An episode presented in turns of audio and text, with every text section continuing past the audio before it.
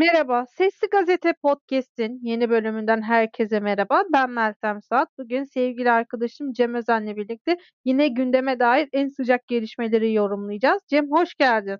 Hoş bulduk.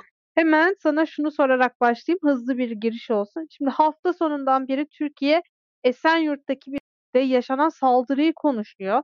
E, bu saldırının görüntüleri sosyal medyada büyük infial yarattı. Günlerdir herkes hem bireysel silahlanma konusunu hem de Esenyurt'ta neler olduğunu konuşuyor. Ben sana şunu sormak istiyorum.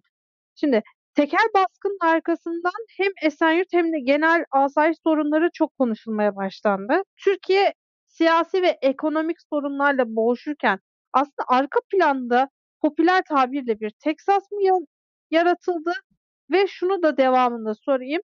Bu saldırıların arkasında bireysel silahlanma boyutu var mı? Bireysel silahlanma konusunda sen ne düşünüyorsun? Bir sistem değişikliğine gitmeli miyiz? Evet, görüntü ortaya çıktıktan sonra büyük infial yarattı. Maalesef şunu söylemek lazım. Bu tip infial yaratan olayların arkasında bir takım görsel materyalin niteliği öne çıkıyor. Yani o videonun işte sesi olması, çok kaliteli olması, açısının her şeyi görmesi gibi konular infial yaratıyor. Yoksa bunun gibi pek çok yerde pek çok cinayet haberleri her gün önümüze düşüyor. Dolayısıyla mesela niye infial yarattı dersen çünkü görüntüsü vardı. Net bir görüntüsü vardı bir de böyle siyah beyaz uzaktan kim ne belli olmayan bir görüntü değil. Çok net yüzlerin bile seçilebildiği bir görüntüydü. Bu görüntünün infial yaratması bu yüzden normal. Esenyurt kötü bir şöhrete sahip uzunca bir süredir. Esenyurt İstanbul'un çok dışında. Esenyurt'ta ikamet eden insanlar mesela diyelim ki Mecidiyeköy'e gelecekse ben İstanbul'a gideceğim diyorlar. Orası artık böyle İstanbul gibi değil. İstanbul'un çok çok bir dış mahallesi. Yani başka bir şehir olsa zaten o mesafe bir iki şehir arası mesafe. Orası başka şehir derdim. Öyle bir mesafe. Fakat nüfus korkunç yüksek. İstanbul'un bir numaralı kalabalık ilçesi Esenyurt. Çok fazla göçmen var. Hem göçmen hem mülteci. Hem içeriden hem dışarıdan. Yani Kürtler yoğun, Suriyeliler yoğun. Böyle karmaşık, kendi içinde enteresan bir sosyolojisi var ve bu sosyoloji suç üretiyor. Suç ve hukuksuzluk üretiyor. Bence konuyu buradan yakalamak lazım. 2016'dan 2023'e kadar bir dış bir İçişleri Bakanı görevdeydi. Süleyman Soylu. Bu çok uzun bir süre. 7 yıl bir İçişleri Bakanı'nın görevde kalması. Bu belli ki bir atalet yaratmış emniyet teşkilatında, güvenlik teşkilatında genel anlamıyla. Yani çünkü biliyorsun valiler birkaç yılda bir değişiyor. Emniyet müdürleri keza öyle. Bunlar devamlı değişiyorlar, bir rotasyon dönüyorlar. E çünkü bir kişi bir yerde çok uzun süre kalırsa orada bir atalet oluşuyor. Artık oradaki çıkmazı çözecek çözümler üretemez hale geliyor. Bu tabii bütün görevler için geçerli. Yani Cumhurbaşkanından tut aşağıdaki insanlara kadar yetki sahibi insanların çok uzun süre görevde kalması bir takım sorunlar yumağını yaratıyor.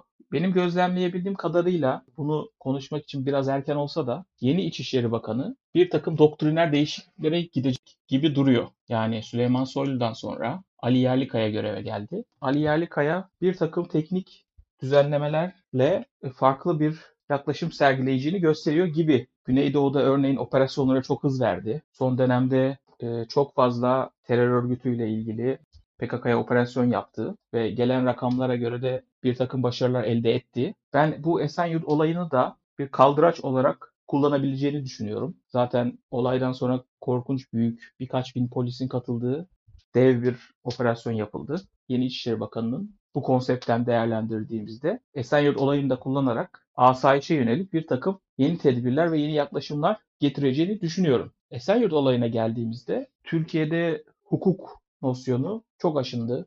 Yargı siyasallaştı. Hukukun uygulanması, kuralların uygulanması savsaklandı. Bu da normal. Bir kişinin ağzına bakıldığı yerde devlet işlemez. Bir kişinin ağzına bakıldığı yerde hukuk işlemez. Kurallar işlemez. O bir kişi ne derse insanlar onu kamu görevleri açısından söylüyorum. Onu önceliklendirir. Dolayısıyla son dönemde özellikle mafya, mafya grupları öne çıkmaya başladı. Özellikle Sedat Peker'in ifşalarından sonra bu konu daha da gündeme geldi. Bu konuya büyüteç tutuldu. Aslında o zaman insanlar biraz anladılar. Aa ne kadar da çok mafya varmış ülkede diye. Dolayısıyla şu an hukukun uygulanmadığı, bir kişinin ne diyorsa onun yapıldığı, tüm polisin, askerin, güvenlik kurumlarının ve hukuk insanlarının O bir kişiyi memnun etmek için çalıştığı bir sistem ve düzenek var. Bu düzenekte yukarıya yakın olanlar hukuku da aşıyor, her şeyi aşıyor. Dolayısıyla böyle bir yapı içinde de daha fazla mafya, daha fazla hukuk dışılık göreceğiz, tanıklık edeceğiz.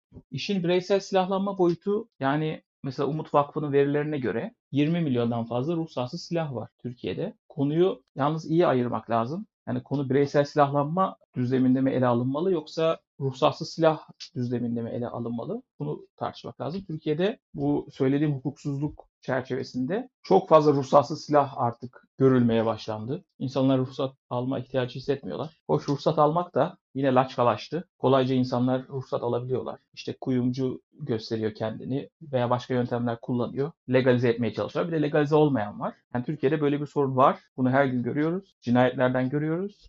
Ha bunun yanında bir minör bir tartışma var. Bireysel silahlanma serbest olmalı mı? Amerika'daki gibi bizim liberal, liberteryen camiada da bunu savunan insan sayısı oran olarak yüksek. Ben bunun bir işe yaramayacağını düşünüyorum. Amerika'nın büyük bir istisna olduğunu ve Amerika'da zaten şiddet olaylarının ne kadar meşhur olduğunu biliyoruz. Ne kadar yaşandığını da biliyoruz. Dolayısıyla ben bu yaklaşıma asla ve asla katılmıyorum.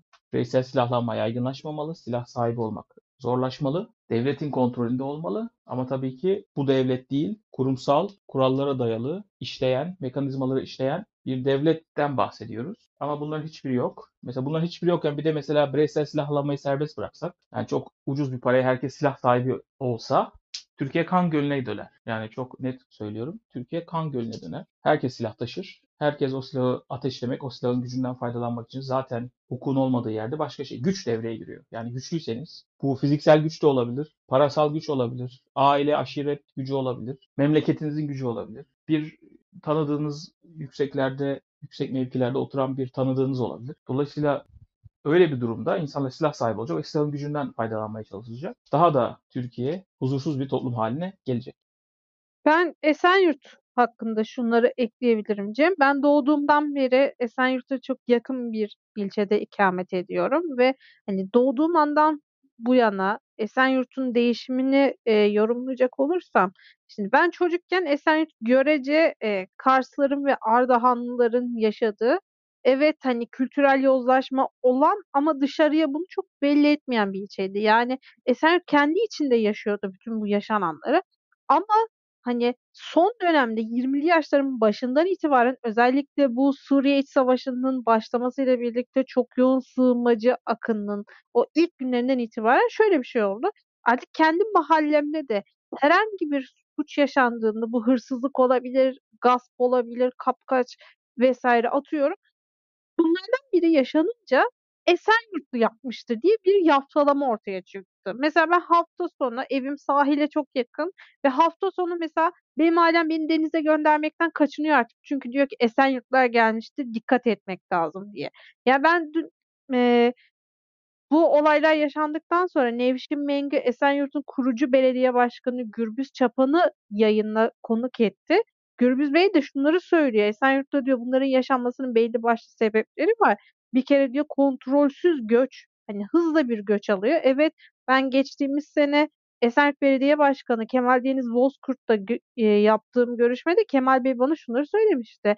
Ben göçmenlerle uğraşmaktan, özellikle bu Orta Doğu'dan gelen, Afrika'dan gelen bu kaçak göçmenlerle uğraşmaktan belediyecilik yapamıyorum. Belediyenin bütün kaynaklarını göçü önlemek için kullanıyoruz ve artık yıprandık yönetim olarak demişti.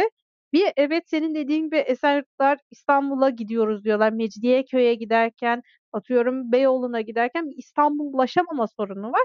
Bir de seninle en son bölümde de bu taşra kültürünü konuşmuştuk. Ee, İslami cancel'laşmada. Orada da mesela hani Esenyurt'ta da bir taşralaşma durumunu İstanbul'a taşıma var. İstanbullaşamama durumu var. Bir de mikro milliyetçilik. Şimdi Esenyurt'ta çok fazla Ardahanlılar Derneği var, Karslılar Derneği var. E, şu an farklı farklı şu an Nijerliler Derneği bile var. Yani her bakımdan bir mikro milliyetçilik ve kabilleşme ve en önemlisi derin yoksulluk. İlçe o kadar yoksul ki ilçede yaşayan vatandaşlar yoksul, sığınmacılar yoksul ve bu sürekli bir suç potansiyeli doğuruyor. Şimdi Cem, Esenyurt'ta e, bir site var. Ben adını vermek istemiyorum ama sitenin hani eee, 1. ve 2. etabında oturanlara biz kötü gözle bakıyoruz. Çünkü kimin oturduğu belli değil. İnanılmaz bir fuhuş yuvası olmuş o site. Eee, günlük kiralık daireler çok yoğun bir şekilde orada, hani, görülüyor ve, eee, çeteler orada yaşıyor. Hatta Reyna saldırganı bile o sitede yakalandı. E, eee, böyle olunca, hani, İsta benim gibi oraya yakın oturan ama Esenyurt'ta olmayanlar bile Esenyurtlu musun diye bir, hani, Teksaslı gibi bir, hani, alt tabaka gibi yaftalama yoluna gitti. Şimdi Esenyurt'tan çıkarsak Türkiye Esenyurt dışında başka bir rezaleti de konuşuyor. Dün Türkiye'nin eee, gündemini sarsan bir istismar haberi okuduk hepimiz. Hatay'da Halk TV özel haber müdürü Seyhan Avşar'ın yaptığı habere göre Hatay'da bir, eee, beden eğitimi öğretmeni görevli okul olduğu köy okulundaki öğrencilere yıllarca sistematik bir şekilde istismarda bulunuyor, şantaj yapıyor öğrencilerin uygunsuz görüntüleriyle ve öğrencileri başkasına pazarlıyor ve ne yazık ki bu öğretmen yargılama sürecinde, eee, a tahliye ediliyor. Şu an tutuklu olması gerekirken tahliye ediliyor ve firari ve, eee, Seyhan ha Avşar haberinin devamında diyor ki, öğretmenin nüfustan düşmesi için ailesi, öğretmenin ailesi depremde kayboldu diye nüfus müdürlüğüne ihbarda bulunmuş. Eğer nüfus müdürlüğü bu ihbarı değerlendirirse nüfustan düşecekmiş bu öğretmen. Sen ne düşünüyorsun bu haber hakkında? Şimdi geçtiğimiz kış, eee, HGK haberini konuştuk. Eee, 6 yaşında çocuk nasıl istismar edilir dedik. Timur Soykan'ın haberiydi o da.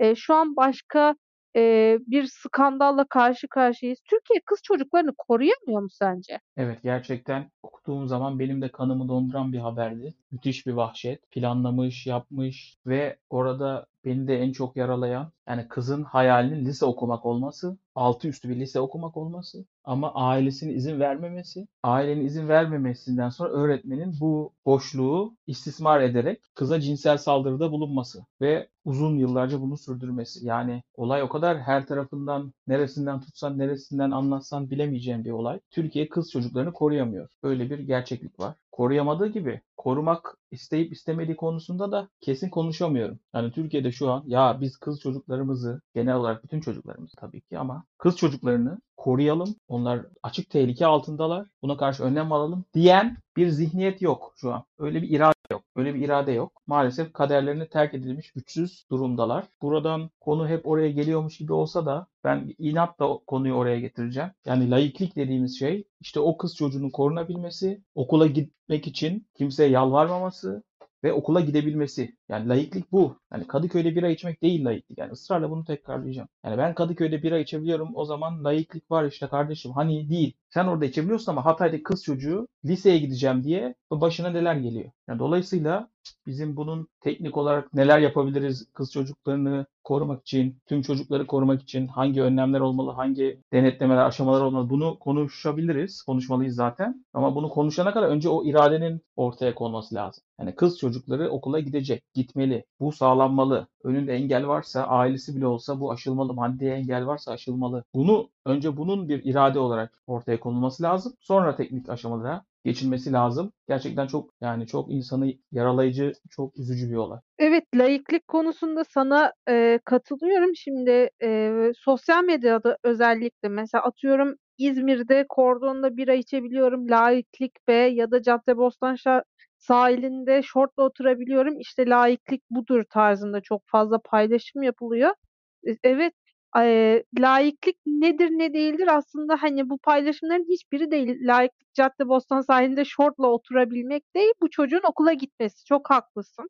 Laiklik sadece bu çocuğun okula gidebilmesi değil. Laiklik 6 yaşında zorla evlendirilen HGK'nin de aslında evlendirilmemesiydi. Laiklik bunlara da karşı çıkan bir, eee, rejim ve, eee, dediğin doğru. Ne yazık ki biz kız çocuklarımızı koruyamıyoruz. Ben şunu çok merak ediyorum. Eğer bizi dinliyorsa kendisine de buradan sormuş olayım. Eee, geçtiğimiz haftalarda Milli Eğitim Bakanı sürekli bir karma eğitim tartışması yapıyordu. Aileleri kız çocuklarını okula göndermek istemiyor. Bu yüzden biz de kız okulları yapmalıyız diyordu. Ama sevgili Milli Eğitim Bakanımız bu, eee, karma eğitim konusunda çok fazla konuşurken Milli Eğitim'e bağlı bir öğretmenin tek hayali liseye gidebilmek olan bir kız çocuğuna yıllarca istismar etmesi konusunda en ufak bir açıklama yapmadı. Yani e, madem karma eğitim hani ne bir alternatif arıyor Milli Eğitim Bakanı, bu çocuğun okula gidebilmesine neden olama, olanak sağlamadı. Eğer hani kız okulları kurulup e, bu çocuklar okula gidebiliyorsa Milli Eğitim Bakanlığı buna da bir çare bulsaydı. Bu olaylar sadece hani belli başlı yerlerde olmuyor. Türkiye'nin doğusunda daha okula gidemeyen, e, sesini çıkartamamış birçok kız çocuğu var ve bunların e, korunması için aslında belli başlı iki e, ana koruma programı var. iki sözleşme var. Birincisi geçtiğimiz sene tam da bu zamanlarda Danıştay kararıyla da e, Türkiye'nin tescillenerek çıktığı İstanbul Sözleşmesi. İkincisi de bu e, kız okullarını kurmak isteyen ama aynı zamanda arka kapılarda 6 yaşında e, kız çocuklarını evlendirmeye kalkan zihniyetlerin hedefinde olan Lanzarote'nin uygulanması. Lanzarote de çocuk istismarına net bir şekilde karşı çıkıyor. Yaklaşık bir senedir Lanzarote'nin önemini vurgulamaya çalışıyor. Bir kez daha vurgulayayım. Bu çocukların okula gidebilmesi için Lanzarote'nin uygulanması lazım. İstanbul Sözleşmesi'nin uygulanması lazım. Devletin bu çocuklara sahip çıkması lazım. Sadece kız okulları açma fikriyle ortaya çıkıp ondan sonra kaybolarak bir şey e, böyle olmaz. Ayrıca e, Seyhan Arşa haberinin devamında şöyle bir skandalı da ortaya çıkartıyor. Bu öğretmen şu an firari ve ailesi nüfustan düşmesi için e, depremde kaybolmuş, ihbarında bulunmuş. Bu çok rezil bir davranış. Eğer nüfus müdürlüğü depremde kaybolduğunu kabul ederse bu adam nüfustan düşecek ve yaptıkları yanına kar kalacak. Bu adamın ölmediğini de hepimiz biliyoruz. Bu adam şu an firari.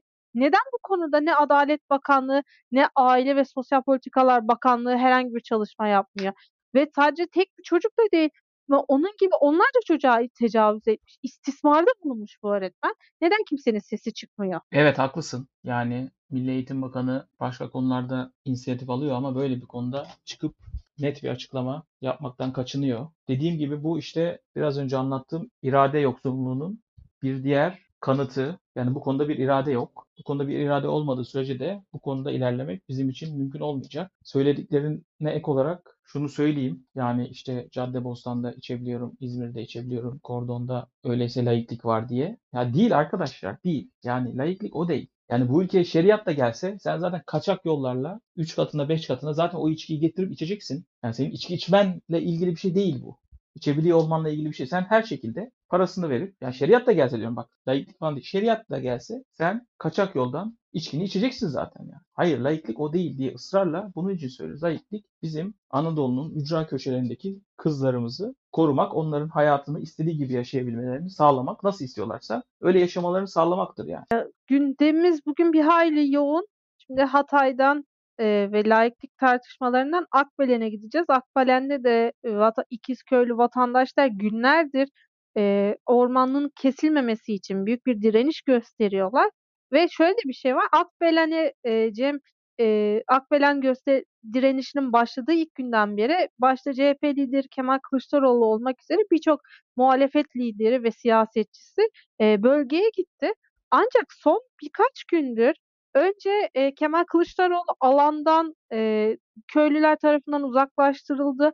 Ardından Muharrem İnce, e, Memleket Partisi Genel Başkanı Muharrem İnce bölgeye gittiğinde oradaki vatandaşlara eylem yapıyorsanız, soru soracaksanız şov yapmayın şeklinde bir ifade kullandı ve e, en sonunda CHP Şanlıurfa Milletvekili Mahmut Tanal kendisini eleştiren e, direnişçilere ve köylülere AK Parti provokatörü olmakla suçladı. Şimdi ne oluyor son bir haftadır muhalefete? Hem e, Muharrem İnce'nin şov yapmayın açıklaması, Mahmut Tanal'ın siz AK Parti provokatörlüğü yapıyorsunuz ifadesi ve Kemal Kılıçdaroğlu'nun köylüler tarafından alandan uzaklaştırılması. Ne düşünüyorsun? Artık halk mı gerçek muhalefeti yapıyor Cem?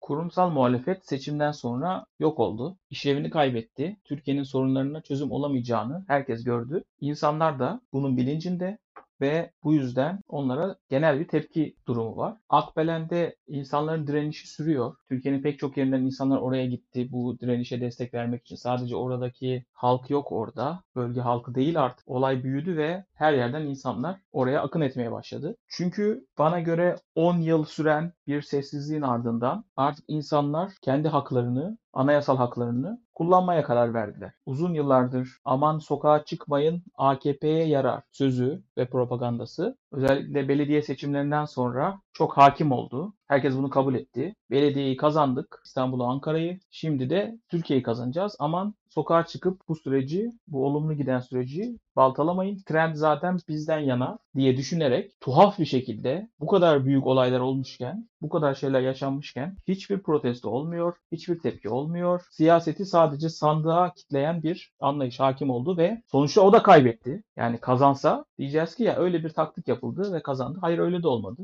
ve kaybedildi. Dolayısıyla insanlar en az bir 5 yıl daha büyük bir baskı altında yaşayacağının bilincinde olarak şu an birazcık artık ben ne yapabilirim noktasında. Kurumsal muhalefet Türkiye'nin sorunlarına çözüm bulacak noktada değil şu an. Yani bir çözüm üretecek bir salahiyeti yok. Bir meşruiyetini kaybetti. Öyle diyelim. Yani nasıl iktidarın bir meşruiyeti varsa muhalefetin de bir meşruiyeti var. Bence muhalefet kendi tabanı açısından meşruiyetini kaybetti. Muhalefete oy veren insanlar artık muhalefet partilerini muhalefet partisi olarak görmüyorlar. Bence desteklerini inanılmaz çektiler ve bu süreç devam ederse zaten bunun sonucunu yerel seçimde de göreceğiz. Akbelen'de yaşananlar da biraz onun yansıması. Artık muhalif siyasetçiler bir hak savunusu, benim hakkımı savun, ben sana yetki verdim, benim adıma savun noktasında görülmüyorlar. Beceriksiz görülüyorlar. AKP'nin payandası olarak görülüyorlar. Onu ona meşruiyet sağlayan bir yapı olarak görüyorlar. Yani işte demokrasi varmış gibi yapıyoruz. AKP yönetiyor. Biz işte seçime girip kaybediyor bunlar da. İşte sanki seçime giriyormuşlar. Öteki de hakkıyla kazanmış gibi bir düzeneğin, bir sistemin parçasıymış gibi oldular. Böyle bir görüntü var. Muhalif seçmen de buna hakim. Dolayısıyla insanlar artık böyle düşünüyorlar. Karşılarında da böyle bir politikacı gelince o politikacılar zaten bu tepkiyi göğüsleyecek ve onu yönetecek kabiliyette değiller. Mahmut Tanalı olsun, diğer kişiler olsun. O tepkiyi yönetecek bir pozisyonları yok. Meşruiyetleri yok en önemlisi. Yani meşruiyetleri yok. Dolayısıyla ben orada gördüğümüz o küçük görüntüleri, işte Muharrem İnce'ye yapılanlar, Mahmut Tanal'a yapılanlar gibi o görüntülerin bir model olarak, bir şablon olarak bundan sonraki süreçte çokça yaşayacağımız bir görüntü olacağını düşünüyorum. İnsanlar protestolarını yapacaklar ve muhalefet partilerinden de himmet beklemeyecek. Muhalefet partilerine güvenmeyecekler. Kendi işimizi kendimiz görelim, kendi tepkimizi verelim noktasına gelecekler. Evet, e, hatta e, Cem bu olaylar yaşandıktan hani bir iki gün sonra aslında iki gün sonra bile değil bir gün sonra CHP'li Ali Mahir Başarır çıktığı bir e, televizyon yayınında CHP seçmeni kızsa da küsse de e, en nihayetinde CHP'ye oy verir dedi. Şimdi belediye seçimlerinden söz e, açıldı, yerel seçimlerden e, bahsediyoruz. Kurumsal muhalefet dedik. Aslında muhalefetin şu an en güçlü olduğu ve bu seçimlerde acaba kaybedilecek mi he, soru işaretini herkesin kafasında uyandırdığı bir şehir var. İzmir'de e, yaklaşık iki gündür metro makinistleri ve tramvay makinistleri bir grev yapıyor. Demiryolu İş Sendikası'na mensup e, çalışanlar ve İzmir Büyükşehir Belediyesi şu an grevi çözmeye çalışıyor ama İzmir'de ne metro ne tramvay çalışmıyor şu şu an itibariyle. Ya ben yıllar boyu CHP muhabirliği yapmış, İzmir'de CHP muhabir yapmış biri olarak şunu söyleyebilirim grev hakkında. Tunç Sayer 2019 yerel seçimlerinde aslında İmamoğlu ve Mansur e, Yavaş'ın arkasında kalan bir isimdi. Herkes İmamoğlu ve Yavaş'ın nasıl Ankara ve İstanbul'u kazanacağına fokuslandığı için CHP'nin İzmir'de nasıl kazanacağı ihtimali kimse düşünmüyordu. Ancak e, ben İzmir'de Cem sık sık oradaki arkadaşlarımla, meslektaşlarımla konuştuğumda Tunç Soyer'in İzmir için büyük bir hayal kırıklığı olduğunu görüyorum. Çünkü ne Mansur Yavaş'ın Ankara'da yapabildiğini yaptı şu an e, Tunç Soyer ne de e, Ekrem İmamoğlu'nun İstanbul'da yapabildiklerini yaptı. Evet hani İzmir Büyükşehir Belediyesi de iktidar tarafından e, birçok engelle e, boğuşturulmak zorunda kalıyor. Ancak hani Aziz Kocaoğlu dönemiyle karşılaştırıldığında hani İzmir'de şu an CHP seçmeni bile hani CHP'ye nasıl oy vereceğini düşünüyor. Çünkü ben Aziz Kocaoğlu'nun aday olmayacağım açıklamasını yerinde takip etmiştim Ve bu açıklamada benim de aklımda şu vardı. Acaba yerine kim gelecek diye. Şu an Tunç Soyer'in o yeri dolduramadığını çok net görüyoruz. Çünkü hani böylesine büyük bir grev var ve e, belediye bunu günler öncesinden vatandaşlara duyurmuyor. Hani bir sabah vatandaşlar işe giderken, okula giderken ve gidecekleri yerlere giderken metronun ve tramvayın çalışmadığını görüyorlar. Bir, bir alternatifleri de yok. Yani şu an ne yapacaklarını bilmiyorlar. E, birazcık e, İzmir Büyükşehir Belediyesi muhalefetin yumuşak karnı e, sürekli orada grev oluyor. Daha önce de ben e, vapur kaptanlarının grevine tanık olmuştum. O grevi takip etmiştim. Şimdi metro makinistleri yani C İzmir Büyükşehir Belediyesi birazcık CHP'yi açıkçası zorluyor. Çünkü sürekli orada daha yumuşak gözüküyor. Sürekli ılımlı gözüküyor oradaki çalışanlara da. Ancak artık belediye çalışanları da bir yerden sonra bunu başka türlü eviriyor da olabilir. Hani ben İzmir açıkçası yerel seçim için yorumladığımda Cem, Tunç Soyer'in hani adaylığının birazcık zora girdiğini düşünüyorum. İzmir'de bu dönemde çok başarılı ilçe belediye başkanları da yoktu. Hani benim takip edebildiğim kadarıyla e, bildiğim kadarıyla e, şu anki yerel seçimlerde Büyükşehir Belediye Başkanı olarak Halk Konak Belediye Başkanı Abdülbatır'ı e, istiyor. Onun adaylığına sıcak bakıyor. Tabii genel merkezini düşünüyor bilemem ama benim takip ettiğim ilçe belediye başkanları arasında da en başarılı Buca Belediye Başkanı Erhan Kılıç. O hani son 4 yıldır e, büyük bir özveriyle çalışıyor. Onun dışında aman aman bir e, çalışma göremedik muhalefetin kalbi İzmir'de. Senin bu konuda eklemek istediğin bir şey var mı? Muhalefet özellikle CHP belirli belediyeleri garanti görüyor. Nasılsa cepte ceketimizi alsak kazanırız modunda oralarda yeni bir atak yapacak, yeni bir soluk getirecek hamlede bulunamıyor. Ve ben benim gördüğüm kadarıyla hala da öyle görüyorlar. Ben yerel seçimlerde farklı bir şey izleyeceğimizi tahmin ediyorum. Biraz önce Ali Mahir Maşarar Bey'in söylediklerini söyledim. CHP seçmeni küsse bize verir diye. Ben bunu çok iddialı buldum açık konuşayım. Yerel seçimlerde çok farklı bir yerel seçim izleyeceğiz muhalefet adına bence. Ee, ben de öyle düşünüyorum. Dediğim gibi özellikle İzmir'de ne olacağını çok merak ediyorum. Çünkü İzmir gerçek anlamıyla CHP'nin kalesi ve yıllardır hani ilçe belediyelerinde de büyük şehirde de CHP dışında herhangi bir parti İzmir'i yönetememiş ve ama şu dönemde özellikle bu yaz itibariyle bakarsak hem bu metro grevi ayrıca İzmir'de yıllardır çözülemeyen koku sorunu ve bu yıl bir haşere sorunu da vardı. Ben sosyal medyada çok fazla İzmirlilerin e, sivrisinek ve hamam böceği şikayetiyle karşılaştım. Belediye neden bir ilaçlama yapmıyor tarzında söylemleri vardı. Yani ben Büyükşehir Belediyesi'nde bu sene kimin aday olacağını çok merak ediyorum. Peki Cem, manşeti atmadan önce eklemek istediğin farklı bir yorumun var mı? Hayır.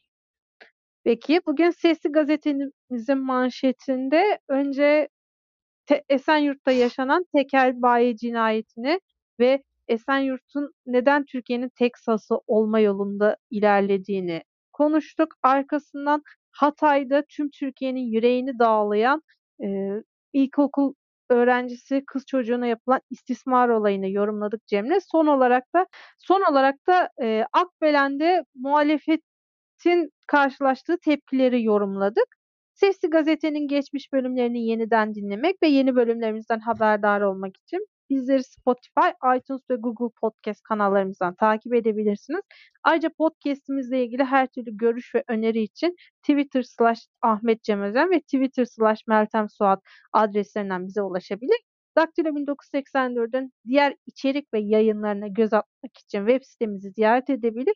Ayrıca YouTube kanalımıza abone olup katıl butonuna tıklayarak bizleri destekleyebilirsiniz. Hoşçakalın.